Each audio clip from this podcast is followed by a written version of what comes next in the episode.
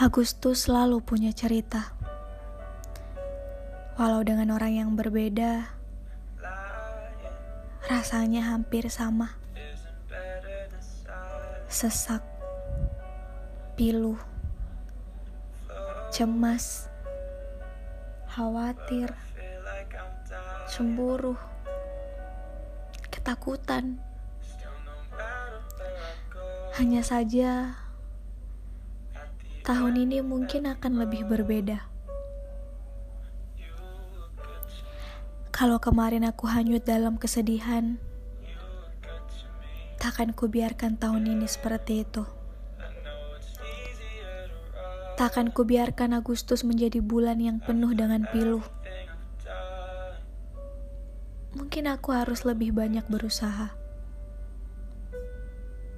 Berusaha untuk meyakinkan diri sendiri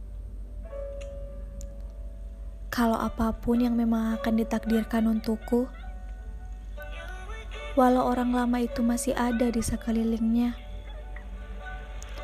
atau orang baru yang akan datang pada hubungan ini akan sia-sia.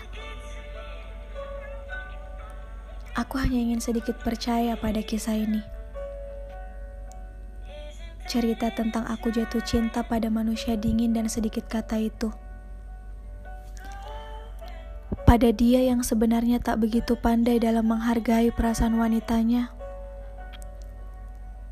Tentang dia yang begitu mudah memuji wanita lain di depanmu. Tapi aku akan sedikit percaya. Kalaupun pada akhirnya tak bersama, tak apa. Ini hanya perihal waktu lagi untuk mengikhlaskan.